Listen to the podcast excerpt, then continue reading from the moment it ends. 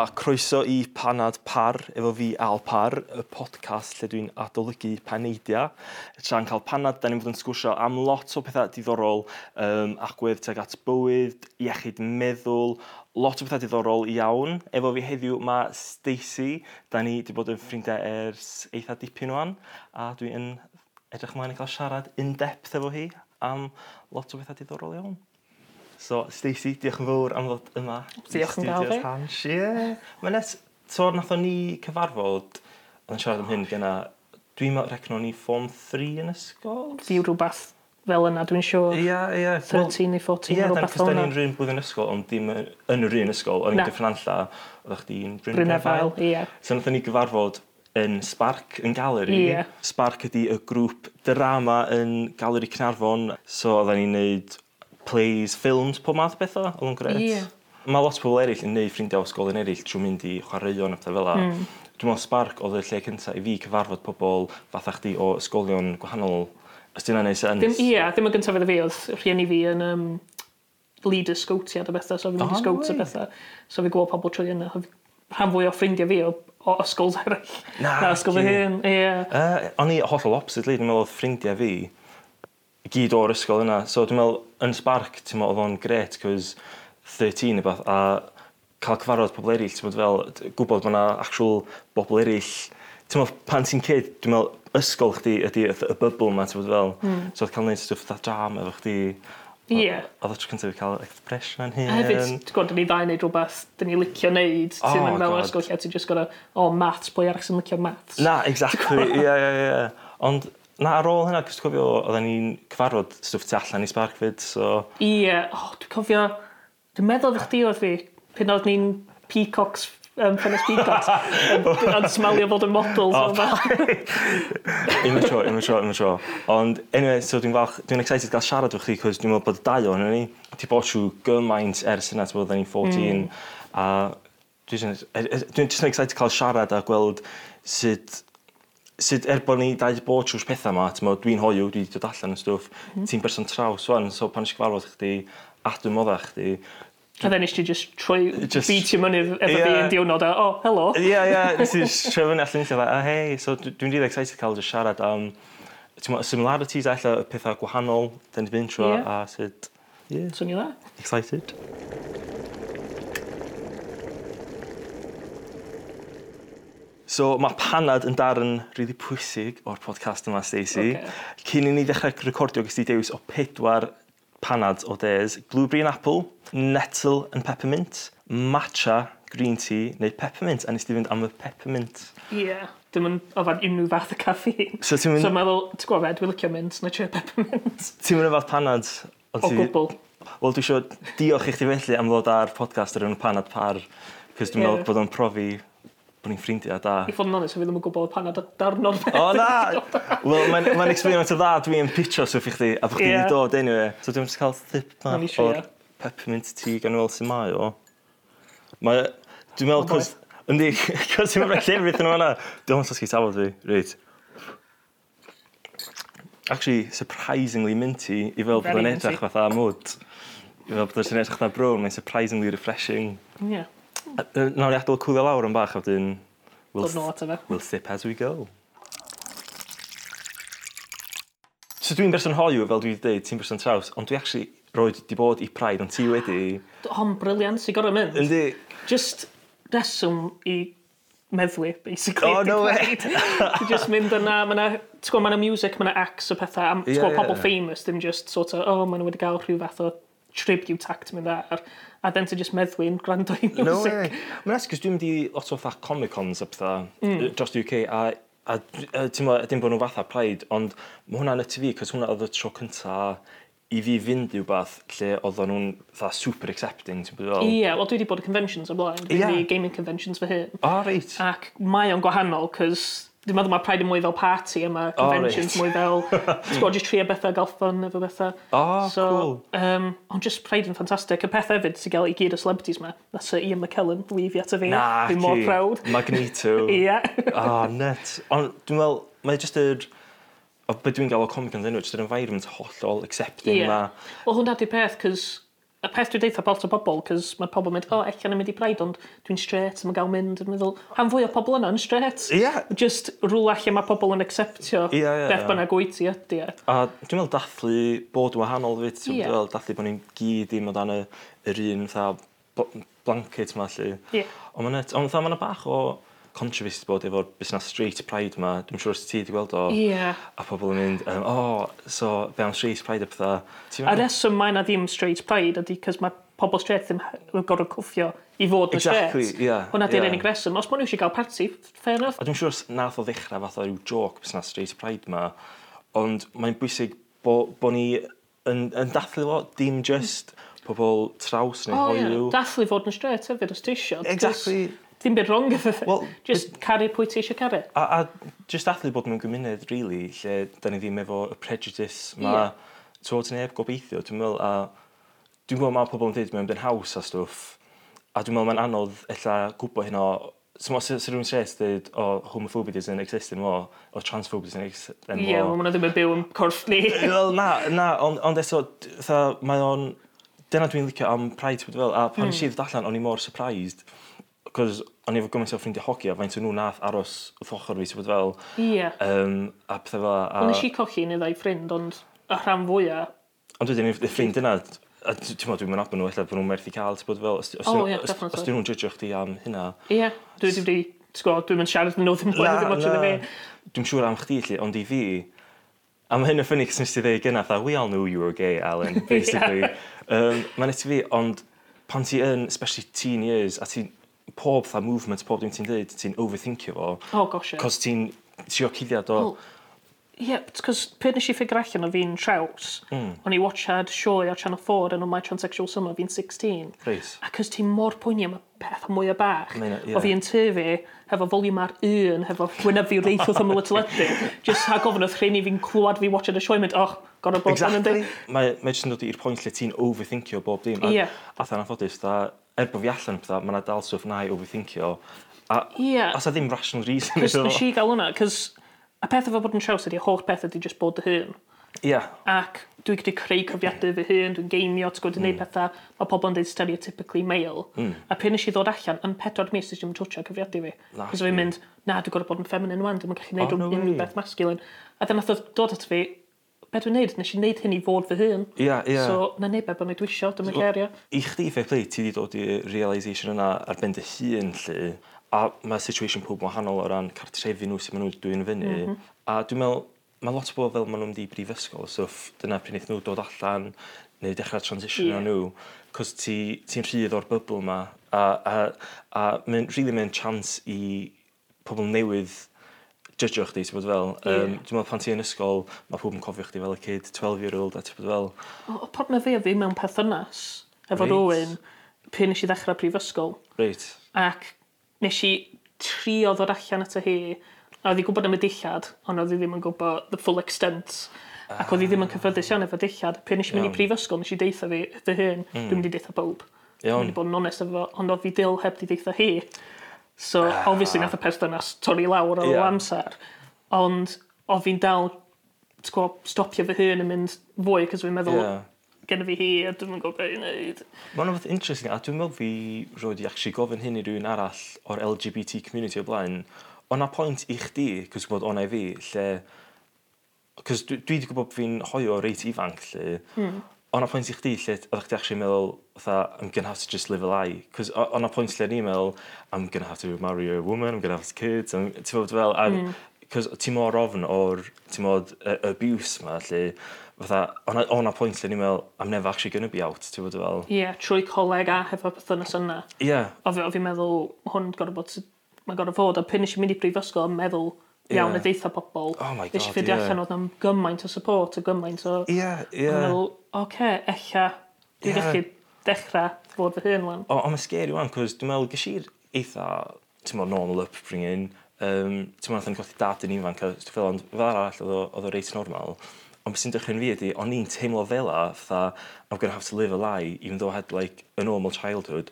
Ond mae yna bobl eraill illa sy'n cael eu tyfu fyny efo gymaint o... A ti'n modd, mae yna bethau efo religion o pethau fyd, Ti'n modd, be mae'n neud i myfylfryd nhw, os dyn nhw'n gellu, a maen nhw'n cael dwy'n fyny bod hynna mor wrong, ti'n bod fel. Wel, ges i pethau bach pryd o fi'n tyfu fyny, obviously oedd rhieni fi ddim yn actively homophobic neu transphobic na beth fel yna. Ond ar amser hefyd, ti'n gorau meddwl, a e meddwl fi'n 14 ar rhywbeth fel yna, 15, 16, mm. rwy'n around oedran yna. O'n i watcha Jeremy Kyle. Right. Ac obviously, da ni wedi gweld pobl traws o Jeremy Kyle, mae o'n supportive, ond hir yn ôl fyna, oedd o ddim. Na. Oedd o'n, dwi'n cofio, o fi watched efo mam a dad fi, ac nath rwy'n dod allan female to male, mm. dod allan a dweud, ia, dwi yn hwn, a Jeremy Kyle dweud, o, oh, meddwl am dy teulu, beth ti'n neud o'n gwneud teulu chdi, beth o fel yna, at, at efo, ac nath mam fi jyst troi rownd iddo fi, man fi Saesneg hwnna, pan dweud yn y Saesneg, a just dweud, I'm sorry if you ever did that, we disown you. Yeah, yeah. Ac ar amser, just rhyw flippant comments, exactly. maen nhw ddim yn meddwl amdano. Na, na, na. na. Implications iddo fi, a fi'n meddwl, oh, na. Wel, eto, ti'n mynd ôl i'r overthinkio yna, a mhm. literally, mm -hmm. siŵr na ddim Nath i ddeud hwnna, she never thought about it again. O, lle... na, a oedd hi ddim yn rhywun sy'n horrible, oedd hi just meddwl, o, mae hwn yn reit hot. Ond i chdi, yeah. mae o'n rhywbeth dwi'n siŵr oeddech chdi over-analysio for weeks, months, oh, gosh, years. Yeah. Fel... A dwi'n cofio pen eisiau dod allan hwnna oedd un y pethau o fi'n meddwl, o na, maen nhw wedi deitha fi, maen nhw wedi gwneud hynna. Yeah. Um, ti'n gwybod, eisiau gael un o ddau comment gan dad fi a bethau fel yna, ti'n mm. dechrau meddwl. A pen eisiau dod allan, o fi ddim yn byw adra, fi'n byw yn prifysgol, mm. eisiau dod nôl adra i siarad iddyn, i dod allan iddyn nhw, ond oedd gen i fi ffrind ar y ar, on the other side of the phone, yn y car yn barod, mm. cos o fi'n meddwl, no chance maen nhw'n mynd i acceptio yeah, fi. Yeah. Um, Ac oedd gen i fi ffrind arall sy'n dweud ar ôl prifysgol gen i symud mewn efo teulu ni yeah. a bob dim fel yna, cos o'n i'n meddwl, no chance mynd i cadw teulu ni, ond dwi wedi. Dwi'n iawn. Ond mae'n gres bod chdi efo'r support yna, ond wbeth ti'n dwi wedi sylwi wan yn siarad efo chdi ydi, ti'n pan nes i ddod allan, oedd o'n wneud dim gwahaniaeth i'r byd o gwmpas fi ar lefel superficial, ti'n fel, mm. o'n i dal yn edrych fatha fi, o'n i dal yn, ti'n walking, talking, sound like me, lli, ond i, i chdi fel person traws, diolch o'm jyst yn ti'n modd, y ffordd ti'n meddwl wedyn mae'n manifestio hyn yn y ffordd ti'n edrach... Ie. ...t'od fel so mae'n rhywbeth, wwan dwi fatha ella take for granted pan ti'n siarad am stwff ti 'di gor'o' bod trwy, as in 'c'os tad yn siarad am coming out lle, faint o hir ar ôl deud wrth pobl nes ti dechrau, 'c'os dwi'n meddwl o' chi'n deud am dechrau gwisgo yn private. Ie so pan nes i symud i prifysgol o' fi'n byw mewn fflat a odd pobol yn y fflat apart from one yn cweit friendly, oedd yn gret, a be, yeah. fel dim, so nes i troi rownd yn dweud, yli, dwi eisiau dechrau wisgo fyny mm. yn y fflat, ac obviously oedd gen i fi gyd ddillad hen, mm. ffrind fi, nes i dod at, i prifysgol efo fi. Yeah. Um, ac nes i just dechrau cedder rownd y fflat, a then nath o troi ond o'n i'n mynd allan am y noson, yeah. efo dresar, yn mynd o'r nightclubs a bethau fel yna.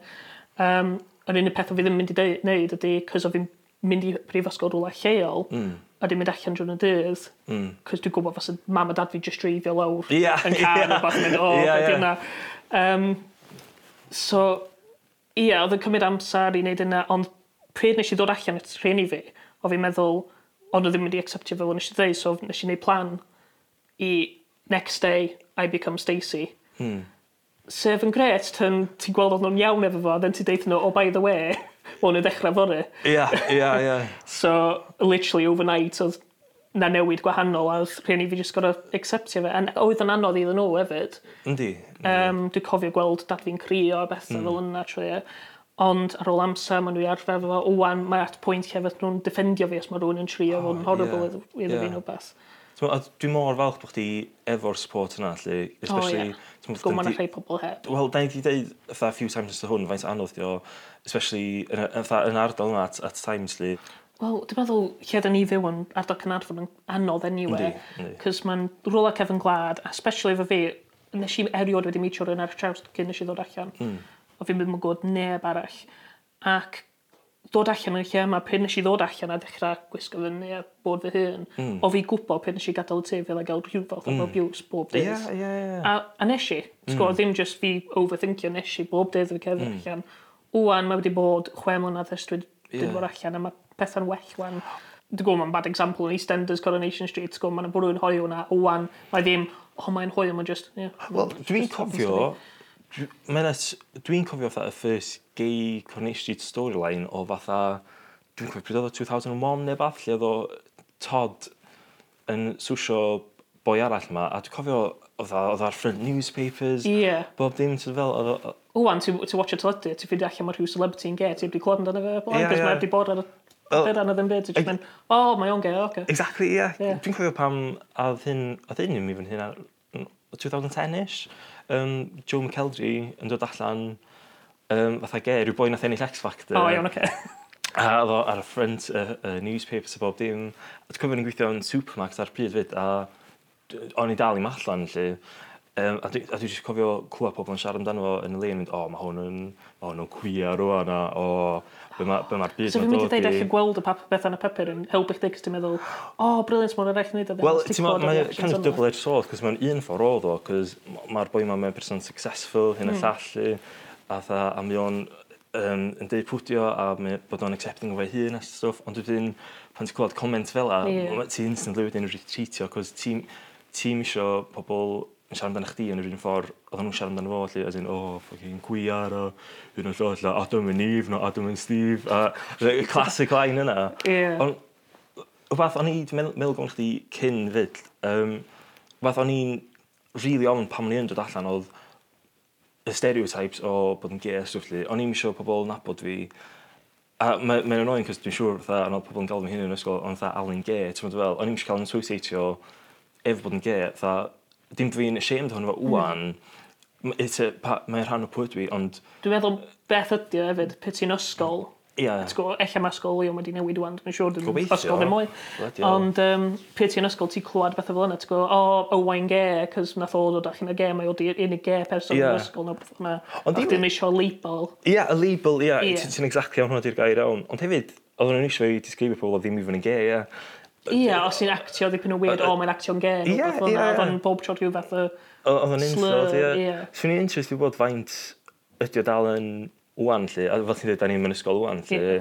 Um, Cos mae'n rhywbeth dwi'n clywed every now and then, lle, ond i compared i be oedd o, personally, dwi, ella bod o cos dwi'n mynd environment yna wwan, dwi'n clywed o gymaint, so sy'n gobeithio bod o'n... Dwi'n meddwl wwan, i, ti'n gwybod, o leia oedran fi, mae lle iwsio rhyw fath o dipyn o joc mewn yeah. ffordd. Ti'n ti neud rhywbeth cweit feminine, o, mae hwnna'n so ge. Yeah, yeah. Ond ti'n meddwl fo fel, mae'n horrible, nah. ti'n meddwl, oh o, mae gosh, yeah. ti'n mor ffynnu fod ti fel yna. So eich mae'r yr idea o'r gair wedi newid yeah. dipyn. Sut ti'n teimlo am, mae lot o pobl wedi bod yn newid Facebook banners nhw a stwff mm. i Pride. A ti'n mae'n un rhan o'n fi, lle dwi'n dweud, o, oh, ideal, maen nhw'n promotio equality, acceptance, pethau fel yna. Mae yna darn bach o bren fi lle dwi'n dweud, ydyn nhw'n iwsio hwnna i fatha rhyw marketing ploi lle. Cys gath... Wel, ge, ge, gesti'r LGBT sandwich na, Max and Spencer. Oh, neu gys i ddim na. Ie, um, a obviously mae ma gallu cael iwsio fel marketing cweith hawdd, ond iddo fi, cys pryd nes i ddod allan a mm. yr agwedd as pobl traws, mm. dwi wedi cwffio i fod yn traws. Hwna pam gen i fi tatw a braidd yeah, yeah. o'r LGBT colours y calon, yeah. cos dwi wedi gorfod cwffio i fod yeah. yn fi. So, iddo fi, dwi wedi wneud, ti'n gwybod, profile picture frame hefo'r lliwiau, yeah, just yeah. efo. Cos dwi mor prawd dwi'n gallu bo- neud hynna 'wan dwi'n gallu fod fy hun. Exactly ie. A dwi ella fi sy'n really cynical ella bod cwmnïadd yn neud o Dwi'n gallu gweithio, ti'n meddwl ella ma' rhei yeah. bobl yn neud o just i gael yr attention. Ie, yeah, ie, yeah, ond at, at the end of the day, ti'n bod ma' nhw dal yn promotio fo, ti'n bod, a hynna fel person hoiw, dwi'n grateful am ydi dwi isio, paid, paid, don't get me wrong, dwi isio dydd lle da ni gor, ddim yn gorfod gael y lliwiau allan. Lle mae'n just mor normal. Yeah, yeah, yeah, yeah. Yn y gwahaniaeth wan mm. ydy os ti'n hwyw, ti'n gor'o ffindio allan y lle lle mae yna pobl hwyw ella i... Wel ie. ...gofyn nhw allan 'c'os mae ti ex- ti'n expecting a boy going up to a girl neu beth yn yeah, dweud, yeah. o ti isio... Ond sy'n gobeithio... Ella yn y dyfodol fydd rhywun dweud, sorry, ti'n straight. exactly, ie. Cyn maen nhw'n... Ond be dwi'n lyfed allan ydy, efo Pride Month, ydy ti fo y pobl ma, y companies ma sy'n rhoi newid profile pictures nhw, fel ti'n dweud, i lle roed dy rainbow flags yn amazing. Mm -hmm. Dwi'n lyfio scrollio trwy'r comments a gweld fatha, um, pobl fatha, oh, it's Adam and Steve, Ie. Yeah. Dwi'n ffeindio fo'n hilarious, cos mae'r ma pobl ma'n rhoi barn nhw fyny ar Twitter, Facebook, Instagram, whatever,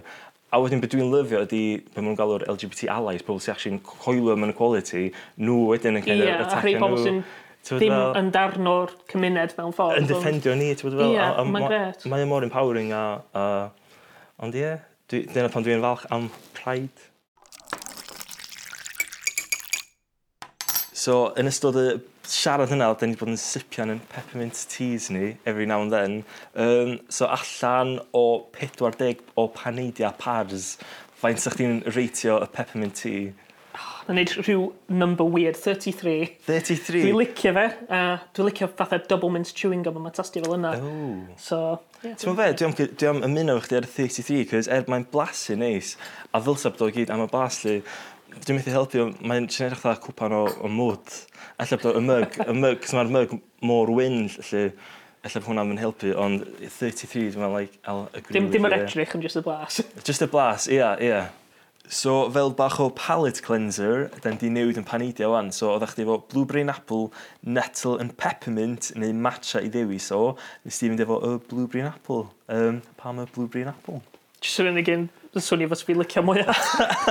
Wel ti'n onest, nice o'n ie. Nes i sylwi pan o'n i'n rhoi hwn, oedd hogla hwn mwy cry na yr un peppermint. Oedd ti eisiau cymryd sip o'n o, gwasio fydd o bach yn boeth. Co, mae hyn ogol yna. Mae'n rili cry yn ffeidio'r peppermint ydi. Ti'n cymryd peth, fydd o'n boiling, ie. Mae'n boiling.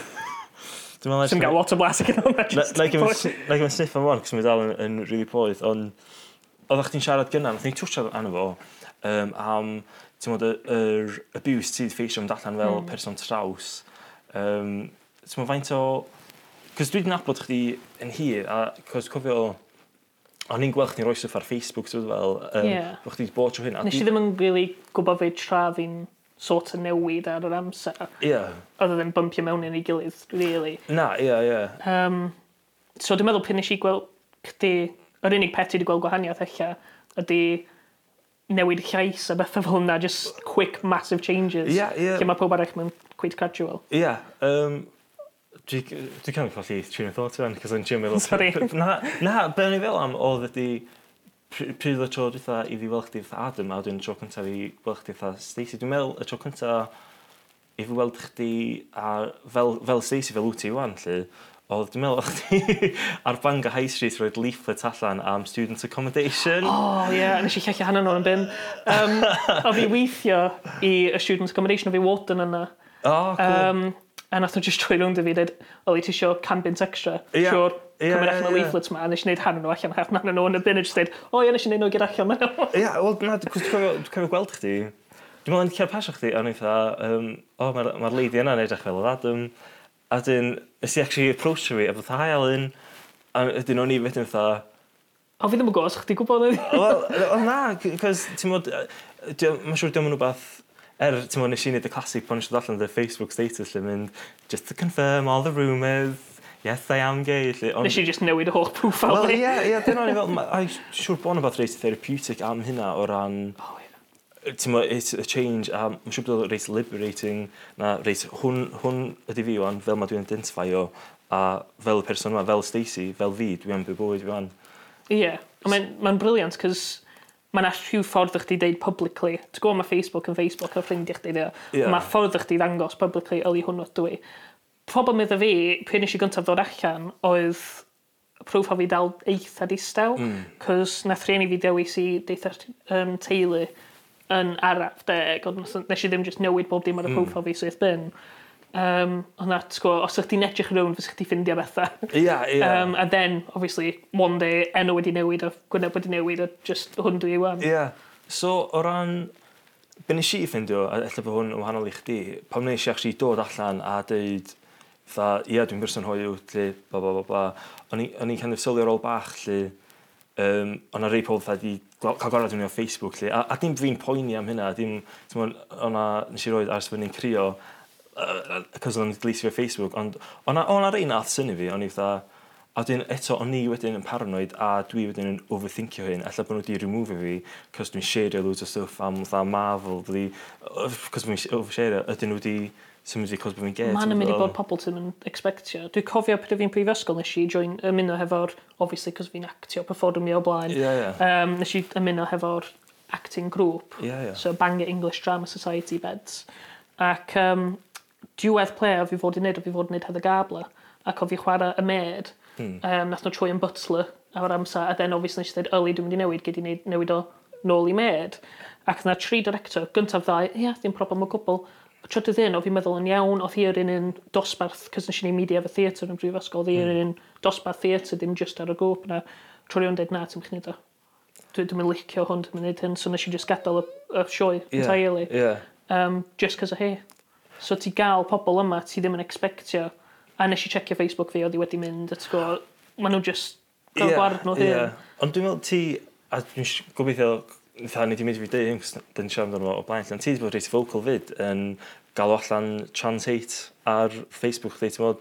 Ia, fi weithio mewn siop ffôn ar yr amser, ac wwan, ti'n gwybod, dwi'n swnio sort of fel hogan, nes i gael surgery ar llais fi, dda gael y newid, ond cyn yna o fi'n swnio fath a dyn. Hmm. Ella edrych fel hogan, ond o fi'n swnio fath a dyn. So, pryd fi'n weithio mewn ffôn siop, y pobl efo'r ffôn siop yna, o fi yr unig person yn weithio trwy dydd, 9 to 5 o fi yr unig person yna. So, pe mae pobl ddod fewn, dwi gorau defendio fy hyn, a dwi'n hmm. cofio mm. unwaith nath... Um, cys mae Saesneg yn gyntaf iaith fi am fwy amser fi'n siarad Saesneg Iawn. gyntaf fi cwsmeriad. Nath cwsmeriad ma'n dod mewn, o fi ddim yn gwybod yn Cymraeg, fi'n siarad Saesneg iddyn nhw, a nath nhw'n gofyn am um, charger y ffôn, a mynd blower i Kevin, nath nhw dechrau siarad Cymraeg, a dechrau dweud, oh my god, mae'n dyn, mae'n dyn, mae hwnna'n dyn. A nes i just ddod allan, sgwb, teenagers oedd nhw, really. Mm. A nes i dweud, jyst i gael chdi gwybod dwi yn siarad Cymraeg, fan yma dros. Ie, yeah, ie. Yeah. A ti'n go, gorau defendio fy hyn Ie. Yeah. trwy'r amser. Ti'n nath nhw brynu'r phone charger yn ddiwedd? ta? Na, Na. nath, nath nhw actually. Cos oedd yn quite funny, cos oedd nhw'n... Dwi'n dwi meddwl eich just rhyw brafad o rhywun teenager ydy hwn. Ond oedd nhw'n dweud, o, oh, ti'n mechu llechio ni allan, beth ti'n neud? Ond tra maen nhw'n dweud yna, maen nhw'n cerdded allan drwy'r dor. Dwi'n teimlo- dwi'n teimlo mor sori bod chdi wedi gorfod bod trwy hynna. Weithiau ti'n siarad gael, oedd fi'n weithio mewn um, shop video games. Ac oedd fi, oedd nhw, oedd na grŵp yn trinio rhai pobl newydd. So fi yr unig un ar y til ar yr amser. A na ciw fach, yda rwy'n at yn ôl y ciw, obviously trio gael rhyw fath o reaction nath o ddod at y ffrant. Bangio lawr Tom yn games, dweud, dwi eisiau treidio hyn i gyd i fewn. So nes i mynd, o, oh, sori, dwi'n syrfio hwn gyntaf, a tra fi sleidar, a dweud, oh my god, it's an effing man. A nath yn mynd at y ffrant o siop a gweithio lawr y stryd, oh my god, there's a tranny in there, there's a tranny in there. A T'go, nes i mynd rownd y cefn a dweud, Yli, dwi'n stryglo fyma. Mm. Nath rhywun ar dod allan nath y bos fi clywed o, mm. deitha fo gadal. Yeah, yeah. A jyst troi fyny fi dweud, Yli, cymryd 5 munud iddo hyn. Ti'n modd, mae'n anodd, cos ar un llaw, pan ti'n mynd rhywbeth fel la, ti initially fatha, ti'n ti sioct yn dod, ti fatha, yeah. cos ti jyst eisiau mynd day, day to day. Just, dwi'n mynd neud o i rhywun arall, dwi'n well, hyn, so yeah, dwi'n eisiau neb arall mention. Ti jyst eisiau fatha gweithio am datra a mhm. that, that, ddatlu. Sut ti'n teimlo am Cos dwi'n gwybod, nes i fatha roed o ar y Facebook pan oedd o ddigwydd, lle, fatha dweud, bod hyn ddigwydd, lle. Cos dwi wedi gwneud rhywun peth yn gerffennol, lle, cos dwi wedi bod mor sioct, fatha, pan mae'n swff fel digwydd, dwi wedi sgwennu fo. Un, cos mae'n neis wedyn gweld bod yn comentio a dweud, fatha, o, support, lle, ond eto... Dwi wedi ffindio, dwi'n gwybod os mae'n, cos dwi'n mor agor yn bethau, cos dwi wedi bod ar radio bethau, dwi'n gael pobl ddod at y fi wan. Ie. Yeah. Maen nhw'n gallu edrych yn ôl gweld, o, oh, dim just nhw. No Ia. sy'n mynd trwy fe a ŵan dwi ga'l pobol t'go' nesh i gael ffrind dda ŵan byw yn Chester ac mae hi wedi dod allan fel hogyn so fo ŵan ac nath hi edrych trwy profile fi gweld bob dim ac wwan mae'n gallu fod mwy fel fo a mae'n just supportio arno fi. Fi sy'n supportio fo a bethau. Ie ie ie. 'Dan ni helpu i gilydd. So wneud pethau fel yna on Facebook weithiau yn just ffordd o deud help a yeah. gael ffrind fel yna i ddod at chdi yeah, fel, yeah. dwi wedi mynd trwy hwn, hwn sydd ti'n delio fe fe. Wel, dwi'n meddwl, cos ti'n meddwl yn tyfu fyny, cos ti'n ti gwybod bod chdi'n wahanol, lle ti'n teimlo mor unig, so fel mae bron yn crippling, fel loneliness. Cos o fi gwybod neb ar eich traws, nes i meetio efo grŵp yn All About Trans okay. yn De Cymru, yn um, Abertawe. Ac obviously mae yna grŵp fawr o ni yn Abertawe, huge transgender grŵp, cefyr lawr stryd, ti'n mynd i gael edrych ar. Yeah. Ond ar ôl yna nes i mynd i Cardydd, cos oedd ffrind fi yn studio yn Cardydd ar yr amser, yn meddwl, o, na cymryd, ti'n gwybod, ddipyn amser gweld fo cyn dwi'n mynd adra. Ac then nes i gweld, mae neb yn edrych, because mae'n city fel mae pobl yn busy efo bywyd nhw, hyn yeah. yn cerio beth ti'n neud. A ti'n gweld y wahaniaeth, ti'n meddwl, a, ella dwi yn y lle rong. A ti'n teimlo mwy yeah. fel ti eisiau gadael yr adael yeah. yma just am y rheswm yna. Ond fatha, mae'n rhywbeth reit... Cys dwi'n cofio pan si, ti'n modd, dod allan, a ti'n modd, mae gymaint o weight off shoulder oh, chdi. Ti fatha... Mae'n bron fatha, middle yn ôl, mae'n bron fatha physical weight fit, ti'n bod fel, o'n i'n teimlo fatha, ni'n gorfod cerdd lawr efo pen fi lawr. Hwn di peth dwi'n deud i bobl, ti'n gwybod, pen eisiau dod allan, nath o ddim just newid appearance fi, nath o newid personality fi. Oh, definitely, yeah. Because ti ddim yn cuddiad, ti ddim yn cwffio na ddim byd, ti'n hapus.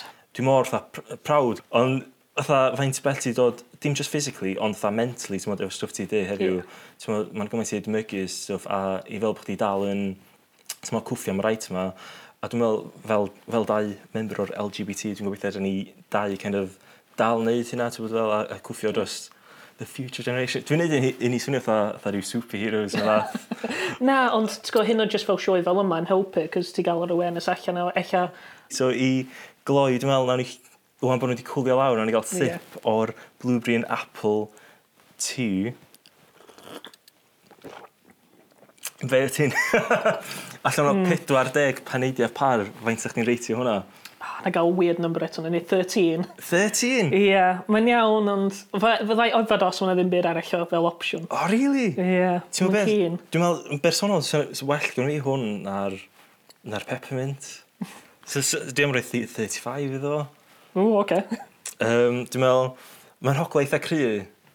Mae'n blasu... A mae hogla'n lyflu. Ond dwi'n dall beth sy'n fel mae'n hogla, dwi'n meddwl bod yn hogla'n well na lle bod yn blasu. Ie. Mae'n tasio fel dwi'n yfad rhyw blodyn. O, oh, wel, ie, pam ddim, de, pam ddim. Ond eto, jyst eisiau diolch ti um, am fod yma i siarad fyny heddiw. O, diolch gael fi. A, ti'n mo, os da ni'n neud yn arall, nice one, Stacey, diolch yn fawr i chdi. Diolch. So, diolch am rando. Dyna oedd penod o Panad Par. Fi ydi Al Par. Os yna beth sa'ch chi'n licio trafod, licio siarad am dros banad, cyswllwch efo ni fama yn Hans. Diolch.